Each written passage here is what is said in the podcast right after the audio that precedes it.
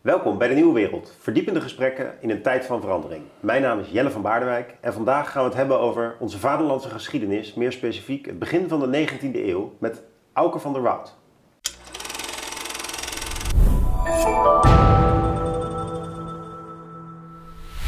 Auke, geweldig dat jij hier uit Groningen naartoe bent gekomen.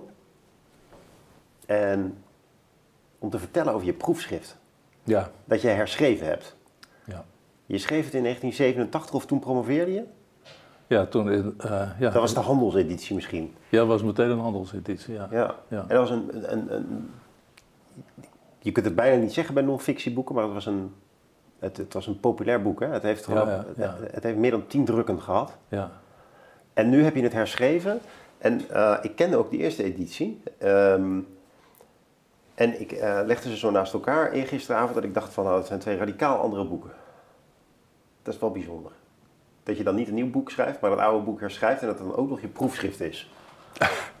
ja, maar ja, aan de andere kant, het blijft misschien altijd wel zo'n onderzoeksonderwerp dat je denkt van het moet uiteindelijk, het moet gewoon dit boek moet het worden. Ja, ehm, Ik hoop dat je ons mee kan nemen in de, met de, in- over wat nou de structuur van het boek is, wat je er allemaal in probeert te zeggen. En ik zal, zal vragen stellen die je daarbij helpen. Want het gaat over het lege land, over, over Nederland in de tijd van trekschuiten en eh, eh, een vrij langzame cultuur waarin toch wel, waarvan toch wel kan worden gezegd dat er bepaalde nieuwe dingen kwamen. Spoorwegen, kanalen, trekvaarten. Eh, nieuwe delen aan steden werden gebouwd, droogleggingen. Maar het is ondanks deze vooruitgang toch een trage tijd. En in jouw boek, een van de grote innovaties van je boek ten opzichte van de eerste editie, dus uit eh, 87, is, eh, behalve dan dat je de taal hebt gemoderniseerd. Je hebt trouwens een prachtige taal, dus eh oh, dank je. eh, het blijft toch wel behoorlijk eh, eh, literair eigenlijk. Het blijft wel echt gewoon heel goed leesbaar en prettig. Tot de verbeelding sprekend. Maar de grote innovatie lijkt toch te zijn dat jij een stevige kritiek uitspreekt op de koning die toen heerste in Nederland, koning Willem I. En die in de kanon staat in Nederland, in de kanon van de vaderlandse geschiedenis, Nederlandse geschiedenis. En in die kanon te veel te prominente plek krijgt eigenlijk. Want jij laat in je boek zien dat hij misschien veel meer een vertrager is geweest. Een, een, een man die helemaal niet zoveel op had met de rechtsstaat eh, dan wij denken. En dat we, eh, er is dus wel wat mythevorming rondom deze ondernemer-koning. En die mythes die, die, die prik je eigenlijk door. In verschillende hoofdstukken en zo tussendoor in andere hoofdstukken. Eh, eh, nou, dat is in ieder geval een, een heel grote lijn in het boek die erbij is gekomen en waar we het over moeten hebben. Ja. Maar misschien eerst maar, eh, voordat we daarop komen, van eh, Nederland aan het begin van de 19e eeuw. Ja. hoe, hoe zag dat eruit? Kun je eens vertellen? Ja, het is, eh, kijk, ehm, de, de, de, de titel van het oorspronkelijke boek is Het Lege Land. Hè? Dat heb ik nou veranderd, want die hoofdtitel heb ik veranderd omdat dit boek zo verschilt van die eerste editie, dat je moet geen, eh, geen, geen eh, misverstanden krijgen. Hè? Dus daarom heb ik het een andere hoofdtitel gegeven. Dus als mensen het over, het, ze moeten het niet over hetzelfde boek hebben, terwijl ze het eigenlijk over twee verschillende boeken hebben. Maar je zei al, dit boek maakt nogal verschil met, met eigenlijk die oorspronkelijke editie. En, maar eigenlijk dat het land leeg was, dat, is, dat, dat heb ik laten staan, omdat dat gewoon eigenlijk het meest eh, direct uitdrukt hoe dat Nederland rond 1800 eruit zag. Want dat, dat is dus een, ja, dat, dat is een Nederland geweest dat, dat eigenlijk zo fundamenteel verschilde van het huidige. Eh, dat, dat, ehm, eigenlijk het beeld dat je, ehm, dat je voor ogen moet hebben als je het over dat Nederland van toen hebt, dat kan je misschien nog het beste zien als je naar de Oostvaardersplassen gaat of zo. Weet je, als je in de trein zit langs Lelystad en, eh, en Almere of zo, je kijkt dat raam uit, dan zie je een soort, soort woest, leeg landschap. En dat is ook eigenlijk het beeld dat Nederland rond 1800 voor het grootste gedeelte uitstraalde. En eh, heel, heel dun bevolkt ook, hè? iets van, van 2 miljoen inwoners. Dus dat betekent ook, en eh, ja, weinig. De steden waren natuurlijk ontzettend klein. Ja. En de dorpen eigenlijk nog veel kleiner. Dus het is eigenlijk een heel erg onbewoond en voor een belangrijk deel ook onbewoonbaar land geweest. En toch is het zo dat als ik een stad als Amersfoort inloop, of Sittard, of eh, Ja, Alkmaar, dan, dan ga je veel verder nog de geschiedenis in dan het begin van de 19e eeuw. Hè? Dus die, die, die 19e eeuw moet ergens toch bewaard zijn in de, in, in de steden en hoe, hoe die straatjes lopen. Nu? Bedoel, Nu je, nog, ja? bedoel, bedoel je hoe je de 19e eeuw nu nog ziet? Ja, of is dat toch niet? Nou, dat, dat kan wel, maar je ziet best wel veel 19e eeuw nog in de huidige steden. Maar dat is voor een heel groot gedeelte de tweede helft van de 19e eeuw, de eerste helft van de 19e eeuw. Ehm, in de eerste helft van de 19e eeuw leken de steden nog heel erg op, op de situatie in de 17e eeuw. Ja. En, en, en na 1850 is Nederland langzamerhand wat rijker geworden. En dat ging met name in het laatste kwart van de 19e eeuw ging het echt eh, hard. En dan zie je eigenlijk dat die steden eh, ja, dat ze heel erg veranderen, omdat, omdat er veel gemoderniseerd wordt. Er wordt veel afgebroken en eh, nieuw gebouwd. Dus de 19e eeuw die we nou in de, in de binnensteden om ons heen zien, is eigenlijk voor, voor een heel groot gedeelte de late 19e eeuw. Hm. De eerste helft van de 19e eeuw is bijna weggevaagd.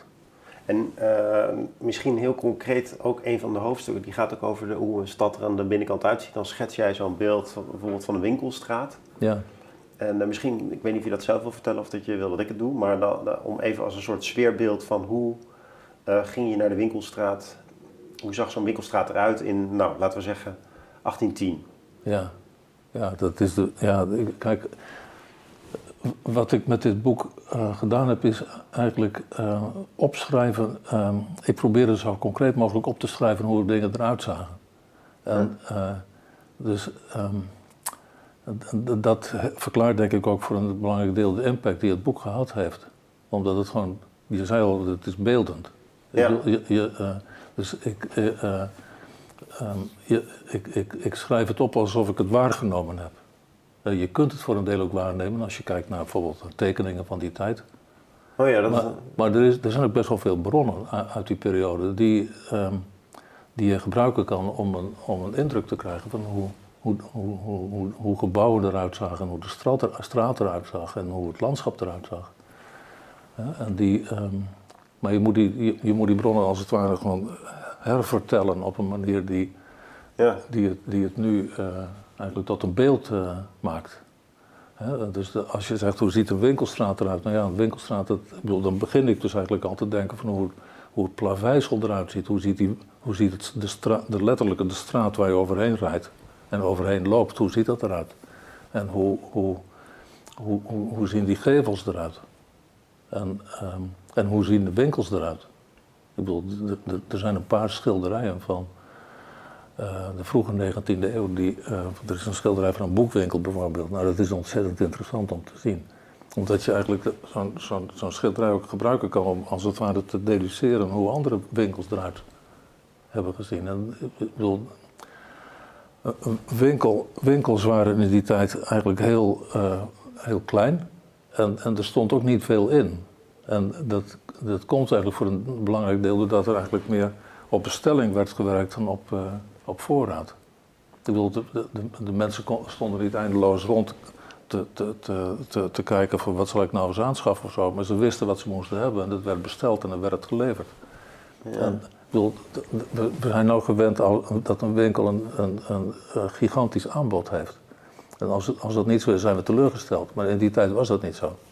Ja, het was klein, het aanbod was klein. Het was geen consumentensamenleving. Je, zegt, je zegt in je boek ook bij veel dingen die mensen kochten, dat deed je dan één keer in je leven of misschien twee keer. Ja, ja, ja, ja, ja. Ja, dat is natuurlijk, kijk, als je, als je realiseert, als je kijkt naar de, eh, naar de sociale samenstelling van het Nederlandse volk in die tijd, dan is eh, volgens, volgens heel voorzichtige schattingen, want het is lastig om dat echt heel, heel goed vast te prikken, maar eh, voorzichtige schattingen die zijn dat iets van 80, 85 procent van de bevolking, van die 2 miljoen Nederlanders, dat dat arme mensen waren.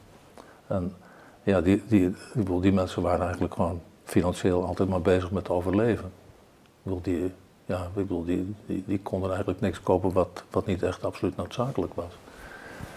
Dus dat betekende dat ehm, bijvoorbeeld kleding, eh, ja, kleding je, eh, dus de, de kwaliteit van de kleding, die, die, die was ook eigenlijk zodanig dat het niet na een jaar al versleten was. Ik bedoel, het, het, het was ook, zeg ik ook maar weer, het was geen wegwerpsamenleving. Hè? Ik bedoel, er werd geproduceerd om het gewoon ook duurzaam te laten zijn. Hoe, hoe oud werden mensen eigenlijk? Ja, dat, kijk, dat is, dan, dan, dan kijk je naar gemiddelden. Nou, dat, de, de gemiddelde is natuurlijk dat eigenlijk een, die categorie van die arme mensen, die, nou ja, dat is natuurlijk altijd zo. Arme mensen worden altijd minder oud dan rijke mensen. Dat is heel vaak zo, statistisch. En, ehm, maar en het verschilt ook per eh, streek en stad. Er waren delen van Nederland die waren echt notoor ongezond. En andere plaatsen waren gezond. Arnhem bijvoorbeeld stond te boek als een gezonde stad. En je had ook plaatsen, bijvoorbeeld zoals Gouda. Dat is een ongezonde plaats. Ehm, maar ik bedoel, die, eh, die statistische gemiddelde leeftijd was iets van, ik geloof, 34 jaar. Eh, Ja. en, maar, als, maar als je daar, ik weet niet of ze daar eigenlijk ook eh, die kindersterfte in meegeteld hebben, want die was natuurlijk ook dramatisch groot. Dat, ik bedoel, dat, er stierven ontzettend veel kinderen in die tijd. Hè? Ja. Nou ja, en ik kan me ook voorstellen dat mensen al aan een flinke kiespijn kapot konden gaan. Of, eh, Ja, kijk, medische zorg was natuurlijk sowieso dramatisch slecht eigenlijk voor. Ja, maar ja, kijk, je moet al. Nou, nou, nou, nou zeg ik over slecht, en- goed en slecht, dat is ook altijd. Moet je ook mee oppassen natuurlijk als je met die tijd bezig bent. Dat je niet vanuit je huidige normen. daarnaar hè, kijkt. ja, je doet het onwillekeurig, maar het is, het is oppassen. Dan noemde je zelf even het voorbeeld van Arnhem en Gouda. Ja. Hoezo, hoezo was Gouda zo'n zo'n- zo'n stad waar mensen niet eh, een, een ziekmakende stad? Wat, is, valt daar iets over te zeggen? Ja, nou ja, dat, kijk, dat, dat, dat heeft, eh, het werd in, in die tijd werd eigenlijk eh, gezondheid heel vaak toegeschreven aan gezonde lucht. Omdat er, er was een bepaalde theorie die verklaarde waarom mensen ziek waren, werden. En dat had dan te maken met uitwasemingen en zo. Hè? Vochtige lucht. Vochtige lucht was ongezond. En ehm, ja, ja, als je dus op een plaats woonde waar de lucht vochtig was, waar nevels waren en zo, Hm. mist. eh, dat was dus eigenlijk heel West-Nederland. Maar dat is geen overtuigende theorie. Nee, maar het, het, is wel een theorie die heel veel aanhang had in de 19e eeuw. Ja, ja. En eh, ik bedoel, Arnhem eh, wa- was, had heel veel droge lucht en zo, op het Velu- Veluwe-niveau en zo. Dus dat, zandgrond. Zo dacht men er toen over. Ja, ja, ja. Het was, Ja. Het, het is in, in die tijd was het een, een gezaghebbende theorie. Ja, dus wat, Ja. en als je er nu op terugkijkt, Maar dan, het heeft, nou ja, heeft het toch maar het waarschijnlijk met hygiëne te maken. Hm? Ja, ja, ja. ja. Hygiëne, maar ook. Het heeft met hygiëne te maken natuurlijk. Eh, maar ook met, ehm, met bepaalde culturele overtuigingen. Dus eh, eh, dat je bijvoorbeeld, bijvoorbeeld eh, zuigelingen, dat je die, moest, mo- dat je die mo- moest voeden. Je moest op een bepaalde manier eh, kleden, hè, inpakken en zo. Hè. Dus, eh, en, en, Baken. ja, en- en bakerpraatjes en zo. Hè. En- Ja, daar, komt die term vandaan, ja, maar zo heel eh, Ja, strak ja. inwentelen. ja, ja, ja, ja, gewoon flink vastbinden en zo. Ja. En, maar, maar ook bijvoorbeeld dat je ze koffie moest geven en zo, weet je wel. En dat, ja, dat, dat, zijn bepaalde, dat zijn bepaalde culturele overtuigingen die te maken hebben van wat goed is en wat niet goed is. Ja. En, en sommige overtuigingen die waren dus eigenlijk desastreus, maar ja, ze, ze werden altijd herhaald. ja, pijnlijk. Ja, ja. Ehm, over die hygiëne, jij schetst heel mooi hoe zo'n straatbeeld, ook zo'n winkelstraat eruit ziet. Dus bijvoorbeeld, eh, er waren geen grote winkelruiten. ja Eh, nee. Winkels zaten vaak in huizen. Ja. Maar je beschrijft ook hoe, ehm, hoe die straatjes eh, vaak een soort gul hadden. Ja, ja. Afvoer. Dus- Riool, ja. ja, riool tegelijkertijd. Open, En- open riool, ja. Ja. ja. En, en hoe eh, de afvalberg in, in huizen, tussen de huizen en de straten in, een soort Ja. tussenruimtes. Best open. In de stad. Ja, Ja. in ieder huis dus eigenlijk. In de huizen soms ook, ja. Ja, ja, ik bedoel, kijk, Dus dat, was een hele smeer, dat was een grote smeerboel. Ja. Een stinkende ja, smeerboel. verschrikkelijk. Ja, dat is ook inderdaad, ja, dat, dat is ook wel leuk om op te schrijven, om over te schrijven, omdat het zo dramatisch is. Maar eh, eh, er is inderdaad, als je naar de... Kijk, er, is een, generatie artsen geweest, de hygiënisten, die zo rond 1850, 1860 eh, begonnen die te inventariseren in de steden. Van, ehm, die probeerden eigenlijk het, het, verband te, te, leggen tussen eigenlijk de ruimtelijke omstandigheden waar mensen in leven en, eh, eh, en, en, en de effecten daarvan op je gezondheid. En die hygiënisten die hebben dus heel veel ehm, veldwerk gedaan.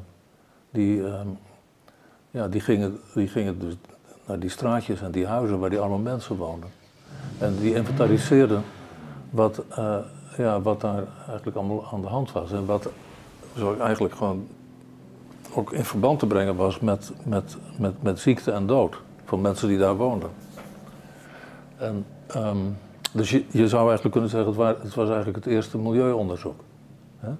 Um, wetenschappelijk ook. En dat gebeurde dus pas in 1850? Dat is in 1850, 18, 18, ja, 1840. Wel, ja, er zijn natuurlijk altijd eerdere. Maar het begint eigenlijk zo. In, rond het midden van de 19e begint het echt ook wel een, uh, wel een, een, hele trend te worden. Ja. Mm. En, dan, en dan, dan zie je dus inderdaad wel dat die, um, die hygiënisten, die, en ook trouwens ingenieurs, moet ik ook, er waren ook ingenieurs die, dat, die waren er ook erg mee bezig. Om eigenlijk die steden uh, uh, gezonder te maken. Dus de, de, politiek komt er dan heel eind achteraan, want die, nou ja, die snapt wel dat als je die steden gezond moet maken, ja. door ruimtelijke ingrepen, dus betere, eigenlijk de betere ingrepen komt er eigenlijk op neer dat je een scheiding aanbrengt tussen uh, uh, drinkwater en afvalwater. Ik bedoel, dat, dat, loopt eigenlijk in de 19e eeuw eigenlijk heel lang loopt dat door elkaar. Dat, dat, dat drink, drinkwater is eigenlijk gewoon ook hetzelfde als afvalwater. En afvalwater is drinkwater. Dat, dat, is, een, en dat is pas later in de 19e eeuw dat begrepen wordt dat je die dingen uit elkaar, dat je die twee uit elkaar moet halen. Door een gescheiden systeem van, ja. van riolering en drinkwaterleiding. Wat zijn nou voor jou, uh, hoe, hoe, hoe, kom jij nu tot dit soort inzichten? Wat zijn hier jouw bronnen? Want ik kan me voorstellen dat, kijk, strikt wetenschappelijk gesproken heb je dus op een gegeven moment iemand die een theorie formuleert over hygiëne, die toetst en uh, wordt bewaarheid. En, maar je zegt al, die ingenieurs voelden dat al aan, het, was, het hing in de lucht, dat men ging kijken naar die ruimtelijke ordening. Hoe stel je zoiets vast? Wat zijn voor jou, raadpleeg je, raadpleeg je dan een krant uit die tijd? Of wat, wat, ja. Hoe kom jij tot de vaststelling dat zoiets dan opeens opkomt? Ja, je zegt kranten. Toen ik het boek schreef, uh, de eerste versie, toen mijn proefschrift, toen bestond er geen Delver. Dat, ik bedoel, als, hè, dat, dat, die, die, zoekmachines van tegenwoordig. Het digitale krantensysteem ja, waar alle kranten dat, het verleden in staan. Ja, geweldig. Geweldig. Uh, wat, wat, maar dat was het toen niet. Dus je, je, je kon in die tijd eigenlijk bijna geen kranten raadplegen. Uh, dus um, de, wat je dan als bronnen kiest, dat zijn natuurlijk dan keuzes en zo, waarvan je zegt, ja, ik, ik wil eigenlijk proberen dat land en de steden en het landschap zo fysiek mogelijk te, te beschrijven. Welke bronnen heb ik daarvoor nodig? Nou ja, dat, dat, dat is dan toch een relatief beperkte keus. Dus dat zijn bijvoorbeeld, uh, ja, dan kom je eigenlijk terecht bij uh, verslagen van, van ingenieurs. Huh? En uh, vooral ja, mensen die met de waterstaat te maken hebben. Dus dat is eigenlijk het Rijksarchief waar je dan in nou nee, wat, nou ja, dat heb ik niet. Ik, heb, ik, heb eigenlijk, ik ben eigenlijk voor dat boek eigenlijk niet naar archieven gegaan, want dat, dat kostte me te veel tijd. Ik heb, eigenlijk, uh, ik heb eigenlijk bijna geen archiefonderzoek gedaan. Dat is interessant, want je had ook geen computer, dus waar zat je dan? Uh, boeken lezen. Oh. Ik, ik, ik, mijn keuze was gedrukte bronnen. Ik, ik, ik koos voor gedrukte bronnen. Oh ja. Want die kan je uit bibliotheken halen. En daar was blijkbaar ook veel uit te halen dus? Gigantisch veel. En dat waren bronnen die eigenlijk nooit gebruikt werden. Ja, ja. Ik bedoel, toen ik maar dat boek... dus een boek van een ingenieur uit die tijd? Nou ja, verslagen, dus uh, nota's, de rapporten. Oh ja. Um, dus, uh, en de, de, dus er werd natuurlijk best wel veel uh, uitgezocht en gepubliceerd in, in rapporten. En, Toen al? Ja, ja. Nou ja, niet, niet zo idioot veel als vandaag de dag natuurlijk, maar wel genoeg om er een boek over te schrijven. Ja. Oké, dus we hebben iets nu van een straatbeeld. Um, misschien is het toch leuk om nu even uit te zoomen en, en, en uh, even die tijd uh, wat beter te situeren in wat er na komt en wat er voor is geweest. En dan kunnen we daarna denk ik wel goed naar de waterwegen en um, um, de kanalen en hoe, hoe, hoe, die drooglegging in elkaar zat. Misschien even uitzoomen ook. Ook voor de mensen thuis. Van, wat, wat was het nou voor periode? Is dat nou, het begint met de Franse tijd. 1800. Het eindigt met de revolutionaire vooruitgangstijd, met toenemende mobiliteit vanaf uh, 18, maar wat, wat gebeurde nou eigenlijk in Nederland aan het eind van de 18e eeuw, waardoor jij zegt, uh, ik begin bij die 1800. Waarom, waarom die keuze en wat, wat is dat eigenlijk voor de, de, Bataafse Republiek? Wat, wat waar zitten we dan in Nederland? Ja. Wat is het voor systeem waar we in leven? Ja, ik heb toen. Um, ja, kijk, ik. Uh, om, om, je vraagt naar de keus die ik maakte om eigenlijk in 1800 rond 1800 te beginnen. Nou ja, en ook gewoon kun je iets meer schetsen van wat, wat, wat, broeit er dan allemaal, wat wordt er afgesloten, wat begint er. Dus even los oh van jouw keuze, even een historisch overzicht over waar leefden we toen, wie waren we.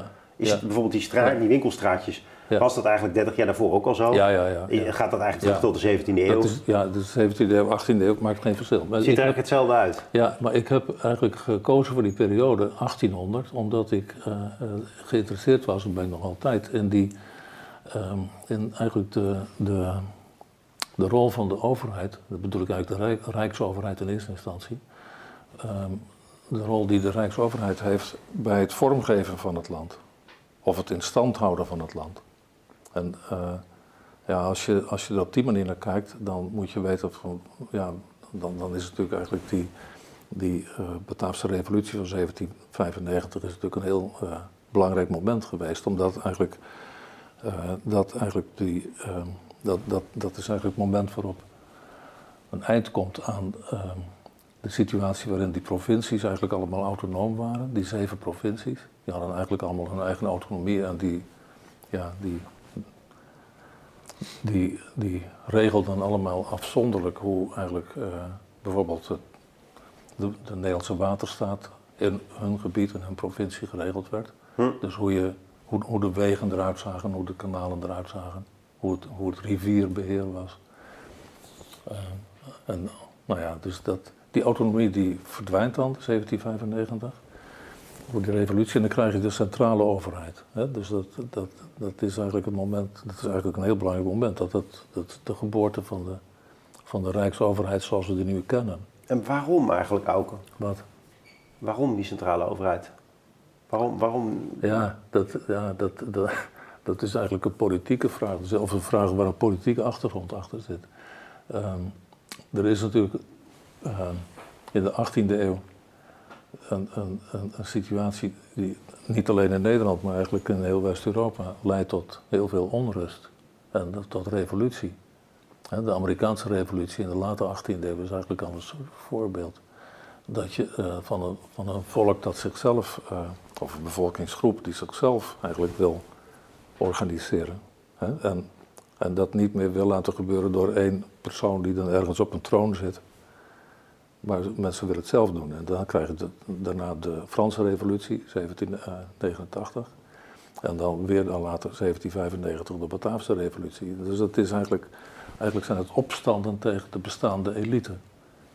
En, dan, ehm, en dat, dat vind ik eigenlijk ook wel heel mooi aan die aan die staatsregeling van het Bataafse volk, dat die eigenlijk de verantwoordelijkheid bij het volk legt. Dus dat het volk, het volk zelf is dan eigenlijk de, heeft de soevereiniteit. Dus het volk bepaalt voortaan hoe, hoe, wat er met Nederland moet gaan gebeuren. En dat gebeurt bijvoorbeeld ook op die terreinen waar ik het dan over heb. Dat is de dijken en de wegen en de waterwegen. En dus de, de inrichting van Nederland. Daar is niet maar één persoon verantwoordelijk voor, maar eigenlijk het hele volk.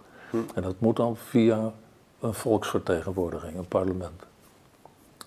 En, uh, dus dat, dat is voor mij wel een heel ingrijpend moment geweest om met het boek te beginnen. Kun je nog een klein beetje ophelderen, uh, als ik jou goed begrijp, dan um, we waren dus die zeven Verenigde Provinciën. Ja. En um, uh, dat klinkt niet alsof er één iemand aan de macht was. Nee, nee, nee. Maar, dat klinkt eigenlijk alsof dingen eigenlijk vrij um, van onderop georganiseerd waren in Nederland.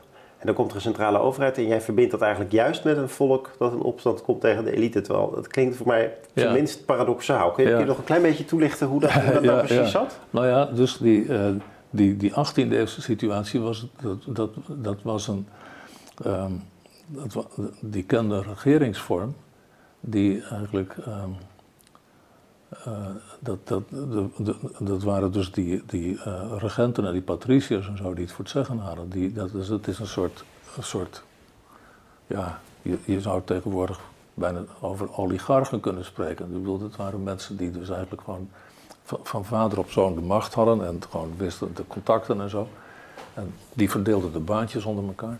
En, uh, en die, ja, die, die, die zorgde ook dat eigenlijk die families die dat de macht hadden, dat die de macht ook hielden. En dat had ook wel, dat had natuurlijk, zoals dan eigenlijk heel vaak met dit soort situaties, een soort stagnerende werking. Dat, dat, dat, dat er op een bepaald moment eigenlijk niks meer verandert, omdat, ja, dat, goed, dan krijg je die revoluties. En die revoluties die maken schoon schip. En ik bedoel, daar zit natuurlijk van die theorieën achter, zoals van Rousseau, die zegt, je, uh, het volk is de baas, we zijn eigenlijk allemaal gelijk. Hè? Dat zijn dus de, de rechten van de mens die daar worden ge, ge, geformuleerd. We zijn allemaal gelijk. We, als we geboren worden, dan is er niet uh, iemand die dan per se.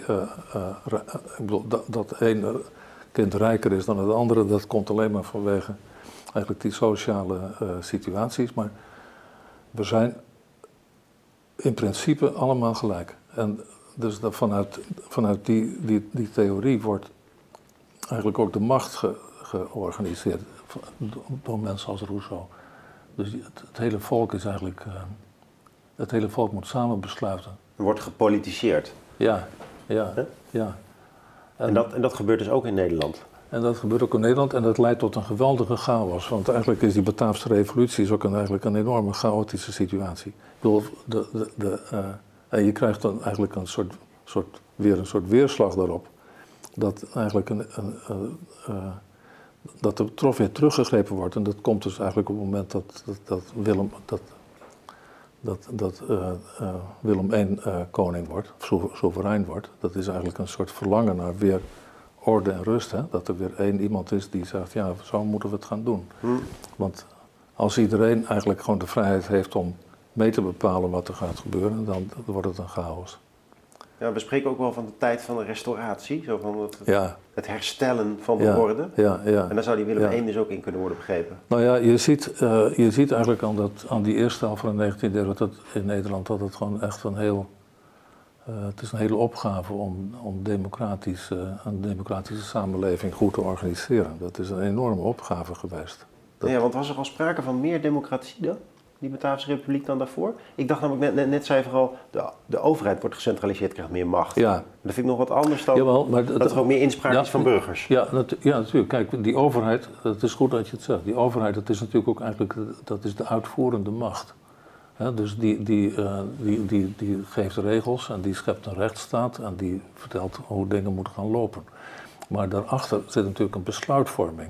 En, dat, dat, en het volk, via volksvertegenwoordigers, stuurt eigenlijk die, die, die, dat overheidsapparaat aan. Hè? Dus ik bedoel, je hebt, je hebt ministers die eigenlijk een, een, een politieke missie hebben, dankzij eigenlijk die volksvertegenwoordiging. Ja. Hè? En En die volksvertegenwoordiging die werd in het begin van de 19e eeuw gekozen door die elite. Of, in de, in de eh, nou ja, dat was inderdaad, ja, in principe. ehm, nee, die, kijk, de elite, dat, de, de, de elite dat, hoort, dat hoort bij de 18e eeuw, eigenlijk. Oké, De elite hoort bij de 18e eeuw, dat zijn de patriciërs. en de rege- 19e, en de- 19e en de regenten. en in de 19e eeuw verdwijnen die van het toneel. Nee, dat is natuurlijk het grappige. In theorie eh, wel. In de Franse en, en de Bataafse revolutie verdwijnen ze van het toneel. Maar ze komen weer terug. Ze komen weer terug. Ja. De elite verdwijnt niet zo snel hoor. Nee, nee, ja, ik, ik stel de vraag ook vanuit dat idee. Dat ik Ja, ja, ja, ja. Nou ja, kijk bijvoorbeeld, dan Willem I wordt eh, koning. Ja, die heeft natuurlijk ook weer eigenlijk de elite gewoon heel hard nodig. Want dat zijn gewoon de mensen die altijd gewoon ge- ja, de dingen geregeld hebben. Dat, Wat, waarom wordt die Willem I eigenlijk koning? Ja, dus om, nou ja, dus, eh, ik zei het al, ik bedoel, die Bataafse revolutie, dat is een chaos. Dan komt er dus eigenlijk, eh, eh, daar wordt er ingegrepen door Napoleon.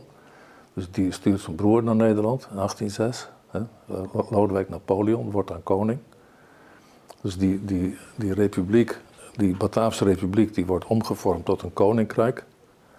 Onder, onder leiding van een broer van Lodewijk Napoleon. En dat is eigenlijk een soort vazalstatus van Frankrijk. En dan eh, op een, in 1810 dan, eh, dan vindt Napoleon Bonaparte het wel genoeg en die haalt zijn broer terug en dan wordt Nederland geannexeerd. En dan heb je 1813, dat duurt niet zo lang, 1813, dan wordt uh, Frankrijk of Napoleon, die wordt dan verslagen hè, door de geallieerden. Dus dat zijn eigenlijk de Engelsen en de Russen en de Oostenrijkers en de Pruisen. Die maken een eind aan die Napoleontische keizerrijk. En dan 1813, ja, dan komt dus eigenlijk de situatie van hoe moet Nederland nou verder? En dan, en dan wordt de latere koning Willem I naar voren gehaald en op de troon gezet. En dan, dan, ja, dan wordt Nederland dus weer een koninkrijk. Maar ondertussen hadden we wel een rechtsstatelijke en een overheidsinnovatie net achter de kiezen eigenlijk. Innovaties in de zin van, er komt de centrale overheid. En er is er ook zoiets begonnen als een ja. overname van um, ja, toch de code Napoleon. Dus de, de, ja, ja, ja. Maar ja dan, zowel, zowel de rechtsstatelijke als de staatsinrichtingskant, dat, dat geïnspireerd door die Fransen krijgen we dan ja, dus ja, ja, een aantal grondwetjes. Absoluut, absoluut. Die, die er daarvoor niet waren. Ja, nee, dat is absoluut zo. Dus dat is een rare nieuwe institutionele mix. Een nieuwe koning, grotere overheid en toch ook zoiets als een uh, rechtsstaat die, die, die weer op een ander niveau functioneerde dan op een, op een moderner niveau dan daarvoor. Ja, dat is, dat, het is echt een waanzinnig interessante periode die eerste decennia van de, van de 19e eeuw, omdat er zo ontzettend veel gebeurde. Heel fundamenteel veel gebeurde. Ja. Um, ik bedoel, die dingen die jij nou net noemt, ik bedoel, die, uh, dus de, de, de, impact van die Fransen is natuurlijk verschrikkelijk groot geweest. Waarom gebruik je het woord verschrikkelijk? Is dat ook pejoratief? Hm? Waarom, waarom verschrikkelijk? Of nou, meer in de overdrachtelijke zin verschrikkelijk? Zo? Ja, ja, verschrikkelijk in de zin van uh, enorm veel. Oh ja, ja, ja. ja. Het is echt een, uh, ja, ik zeg verschrikkelijk, dat klinkt wat akelig, maar ik bedoel, ik bedoel, ik bedoel, het is heel fundamenteel en het is ook heel veel geweest. Wat de Fransen gebracht hebben. Dat is dus wetgeving, maar, maar ook inderdaad die, uh, die centralisatie van het overheidsbestuur. Waar dan eigenlijk, kijk, dat die Franse de Bataafse revolutie, die is natuurlijk ook heel erg Frans geïnspireerd geweest.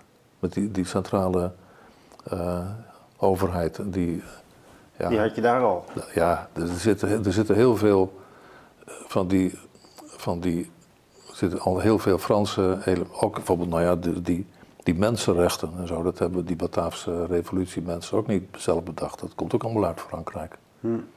Dus de, we waren geïnspireerd door de Fransen. Ja. Uh, ook nog een, vraag, nog een vraag over de instituties en dan misschien ook een leuke overgang naar jouw stevige interpretatie van de rol van Willem I in de Nederlandse geschiedenis.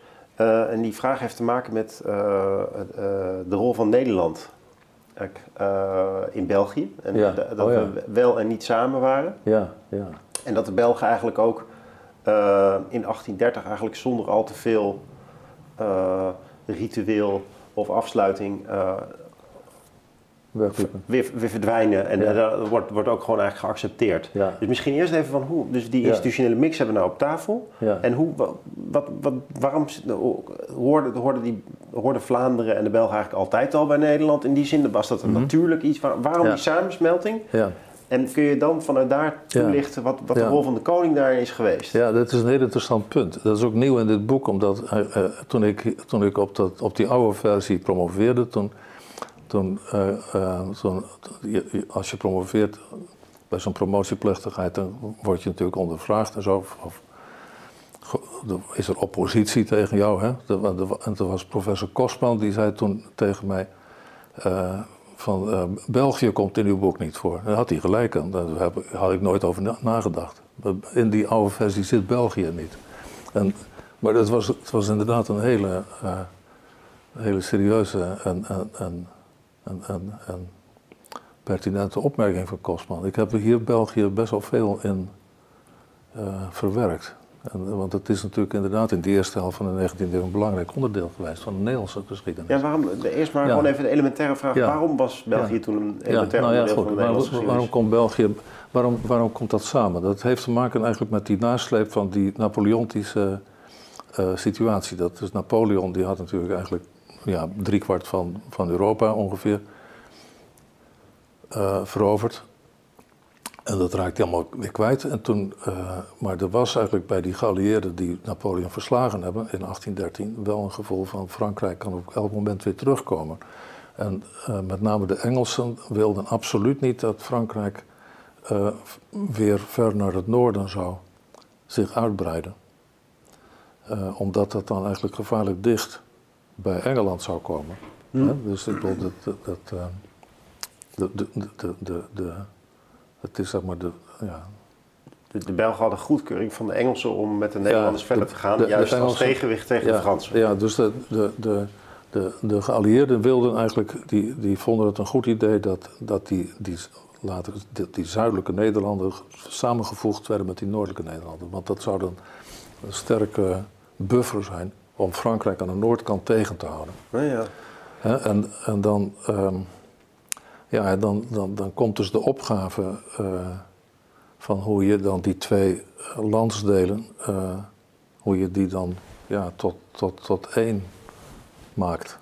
En dat is natuurlijk eigenlijk een, een, uh, een proces geweest dat, ja... Ook veel met ruimtelijke ordening te maken ja, heeft. Ja, ja, ja, dus je, je, laat volgens mij echt mm -hmm. zien dat, dat, er ook, dat, dat het een beetje tegenvalt op dat gebied. Dus dat als je meer zou willen integreren... Ja als, uh, had je andere dingen moeten doen. Dan had je meer kanalen moeten graven. nou ja, bijvoorbeeld. Maar ja, nou ja, dat, die de boel kijk, er is een, maar ook, ook, ook, je stukken over de haven van Antwerpen vond ik wel uh, fris. Hè? Dus dat die koning Willem I heel erg inzette op de haven van Rotterdam. Ja. Uh, hij, hij, staat ook bekend als de ondernemer koning. Ja. En, ja, koopman koning. Ja, ja koopman koning. En, ja. en dat hij dus eigenlijk ook dus Rotterdam privilegieerde. En, en, helemaal, en dat, dat, dat deed hij eigenlijk helemaal niet goed vanuit economische overwegingen. Uh, behalve dan misschien van hemzelf. Ja. Maar dat zijn beslissingjes, dus die kanalen de rol van Antwerpen uh, mm -hmm. klein maken, die er niet op wijzen dat hij dacht als een staatsman die Nederland en België samen nou ja, uh, dus als één rijk zag. Nou ja, het, het, punt waar we het nu over hebben, dat is, dat is best wel lastig, vind ik. ik er, is een, um, er is eigenlijk een, een bepaalde conventie in het denken over Willem I, die eigenlijk uh, heel vaak herhaald wordt. Niet per se door historici, maar wel eigenlijk zeg maar in nou ja, wat je zo op het internet ziet. Uh, dat is dat, uh, het trouwens ook bij heel veel boeken over de 19e eeuw weer terugvindt. Dat is dat Willem I eigenlijk geweldig goed zijn best gedaan heeft om Noord en Zuid te verenigen. Maar als je kijkt naar de feiten, dan, is het eigenlijk gewoon moeilijk hard te maken. Uh, ik, vind, ik vind eigenlijk het, het, het, het, duidelijkste bewijs dat, dat het project, uh, dat het eigenlijk, ja, misschien heeft hij zijn best wel gedaan, maar ik bedoel, in, na 15 jaar is eigenlijk die, uh, die verbinding tussen Noord en Zuid is kapot gegaan.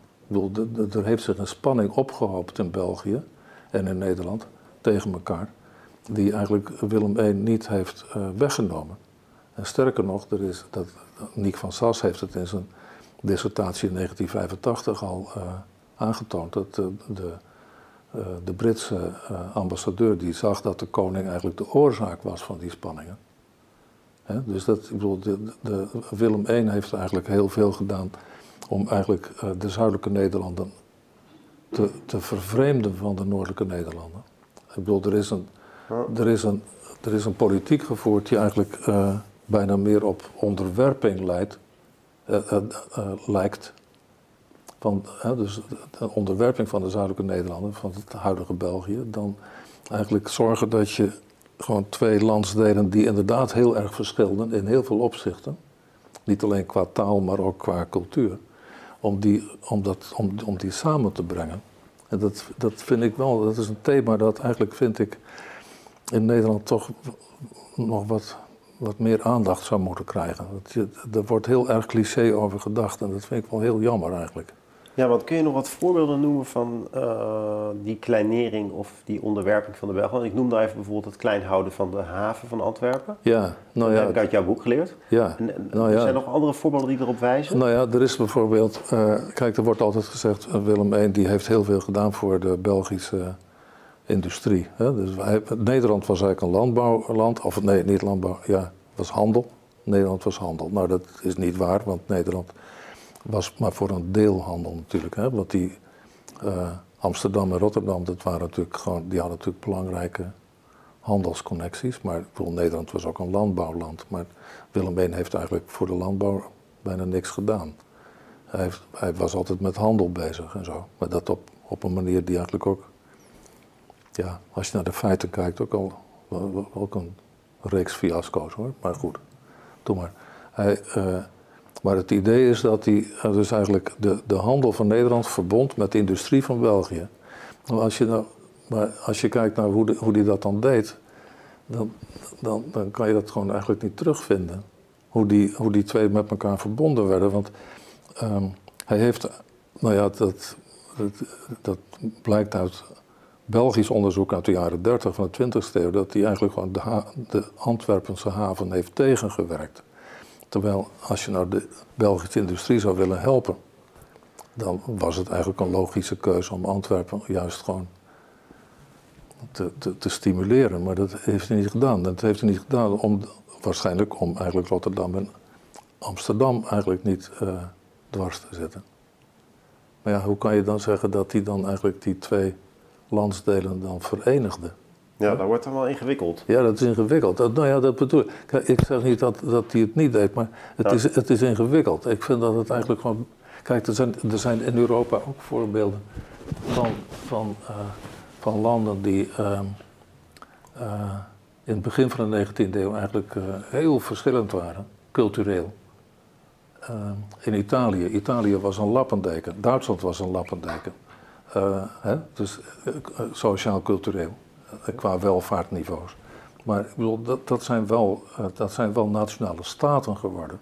In Nederland is dat experiment totaal mislukt. Eigenlijk al na heel korte tijd. En dat zou dus wel eens kunnen liggen aan die Willem I? Nou ja, daar ben ik van overtuigd. Dat, dat een, andere, een andere optie is er eigenlijk niet. Ik bedoel, hij had de leiding. En, uh, maar die leiding was ook zo machtig. Want je zou kunnen zeggen, de Belgen, uh, nu een soeverein volk, dus waarom toen niet? Ze hadden er gewoon geen trek in ze wilden die autonomie. Uh, ja, nou ja. geen zin om bij de Nederlanders te horen. Dat is toch ook een hypothese? Dat, dat... Nou ja, dat, dat, ik, ik weet niet of, dat weet ik niet of ze geen zin hadden. Maar er was in ieder geval in Nederland. Maar als we het hebben over Nederland, dan moet je ook mee oppassen. Want het is eigenlijk. Kijk, de belangrijkste invloeden kwamen uit Holland. Holland was natuurlijk, de provincie Holland, was natuurlijk gewoon de belangrijkste en de machtigste provincie. Noord en Zuid dus.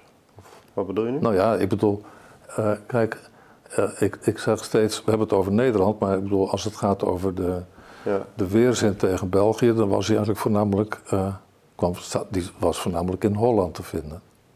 Ja. Nee, de, de Holland. Ik bedoel, Friesland had helemaal geen problemen met, met, met, met, België.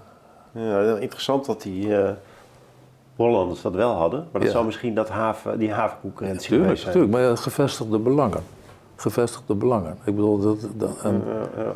en, en uh, nou ja, maar er is dus, kijk, er was een koning die eigenlijk gewoon, bij wijze van spreken, er had, voor had kunnen en moeten zorgen dat de koppen dezelfde kant op, de neuzen dezelfde kant op stonden, maar dat heeft hij niet gedaan. Dus die heeft op een, eigenlijk op een hele, ja, ik bedoel, hij heeft, er is zelfs, ik bedoel, vanuit Den Haag, vanuit het politieke centrum, Brussel was natuurlijk Brussel was ook een politiek centrum. Daar, het is voor Willem I een paleis gebouwd. Hè, het huidige Koninklijk Paleis in Brussel, dat is voor Willem I gebouwd.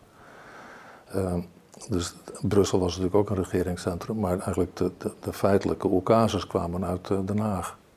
En die waren eigenlijk allemaal, uh, ja, voor een heel belangrijk deel waren die eigenlijk, waren botsten, botsten die wel met, met Belgische uh, belangen. En goed, dat... Het is wel een mooi moment om ook, we gaan weer terug op uh, het thema uh, Willem I hoor, maar om, om ook Den Haag noem je nu, van Ocasus, dus het beleid, de beslissingen die in Den Haag vielen. Um, wat was eigenlijk Willem I zijn macht daarover? Want in, in je boek schets je ook, zo'n koning was toen echt veel machtiger dan nu, maar tegelijkertijd had je dus wel een, een, een, een machtswerking die niet vanuit de koning kwam, maar vanuit de regering, zal ik dan maar zeggen. Dus, uh, hoe belangrijk was, dat, was zijn hand daarin? Op bepaalde pagina's suggereer je echt dat, uh, dat Willem I meeschreef aan de wet. En, uh, ja, ja, ja, ja, maar dat veel regels aan zijn laars lapte. Ja, en, en met de ene hand dit deed, met de andere hand dat. Dingen zei, terwijl hij anders handelde. Zelf ook volop profiteerde daarvan. Ja. Dus. Of was die macht vanuit Den Haag ook nog wel redelijk... eh, Ja, je suggereerde net ook al een lobby vanuit Holland was... die, die blij was met, uh, ja. Met België. Dus die, die, die koning Willem I die zal ook wel... Ja. Bepaalde, nou bepaalde, mensen wel goed vertegenwoordigd hebben... die ook nog op een eigen manier dingen zeiden die tuurlijk, in zijn tuurlijk. lijn waren. Ja, zeker. Nee, maar goed. Er, er is natuurlijk best wel veel historisch onderzoek gedaan... waar ik van geprofiteerd heb ik noem bijvoorbeeld uh, de, de, biografie van Jeroen Koch over Willem I. Nou ja, ik bedoel, dat, dat als je, dat, een dik boek, dat, daar zie je gewoon, die, die, heeft gewoon gereconstrueerd hoe, hoe, hoe Willem I, hoe, hoe die functioneerde als koning. En, en, die, dat, en dat, die, ja, dat was gewoon een man die meeschreef aan de grondwet die hem eigenlijk een bijna onbeperkte macht gaf. de grondwet van 1814, die is bijgewerkt in 1815, toen, toen België erbij kwam. Uh, de koning schreef mee aan de grondwet. En, uh, en, als je kijkt naar die grondwet van 1814, 1815, dan zie je dat die begint met eindeloos lang doorgaan over de soevereiniteit van de koning.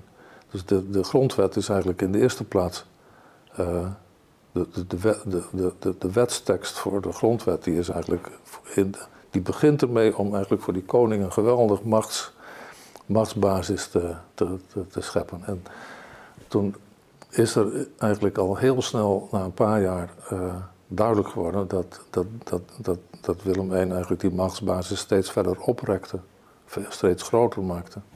En dat hij ook mensen aan de kant schoof die daar moeite mee hadden. Ja. En uh, uh, hij was een man die eigenlijk zich met alles, met alles bemoeide. En, um, je schrijft ook ergens, citerend, dus dan haal je die vele literatuur ook aan. Hij bemoeit zich overal mee, maar het was ook iemand uh, die toch geen oog had voor de grote lijn. Nee, dat, dat, nee, dus dat, dus, dat, nou ja, dat is dus een observatie van een paar... Een micromanager. Ja, ja, ja, micromanagement. Ja, ja, ja, ja. Dus iemand die, hij had het overzicht niet. Ik bedoel, hij bemoeide, hij, hij, hij, hij bedolf zich met, uh, met, met dossiers. En, want het was een keiharde werker. Ik bedoel, dat is ook eigenlijk de, de ja, dat, is ook de lof die hem toegezwaaid wordt.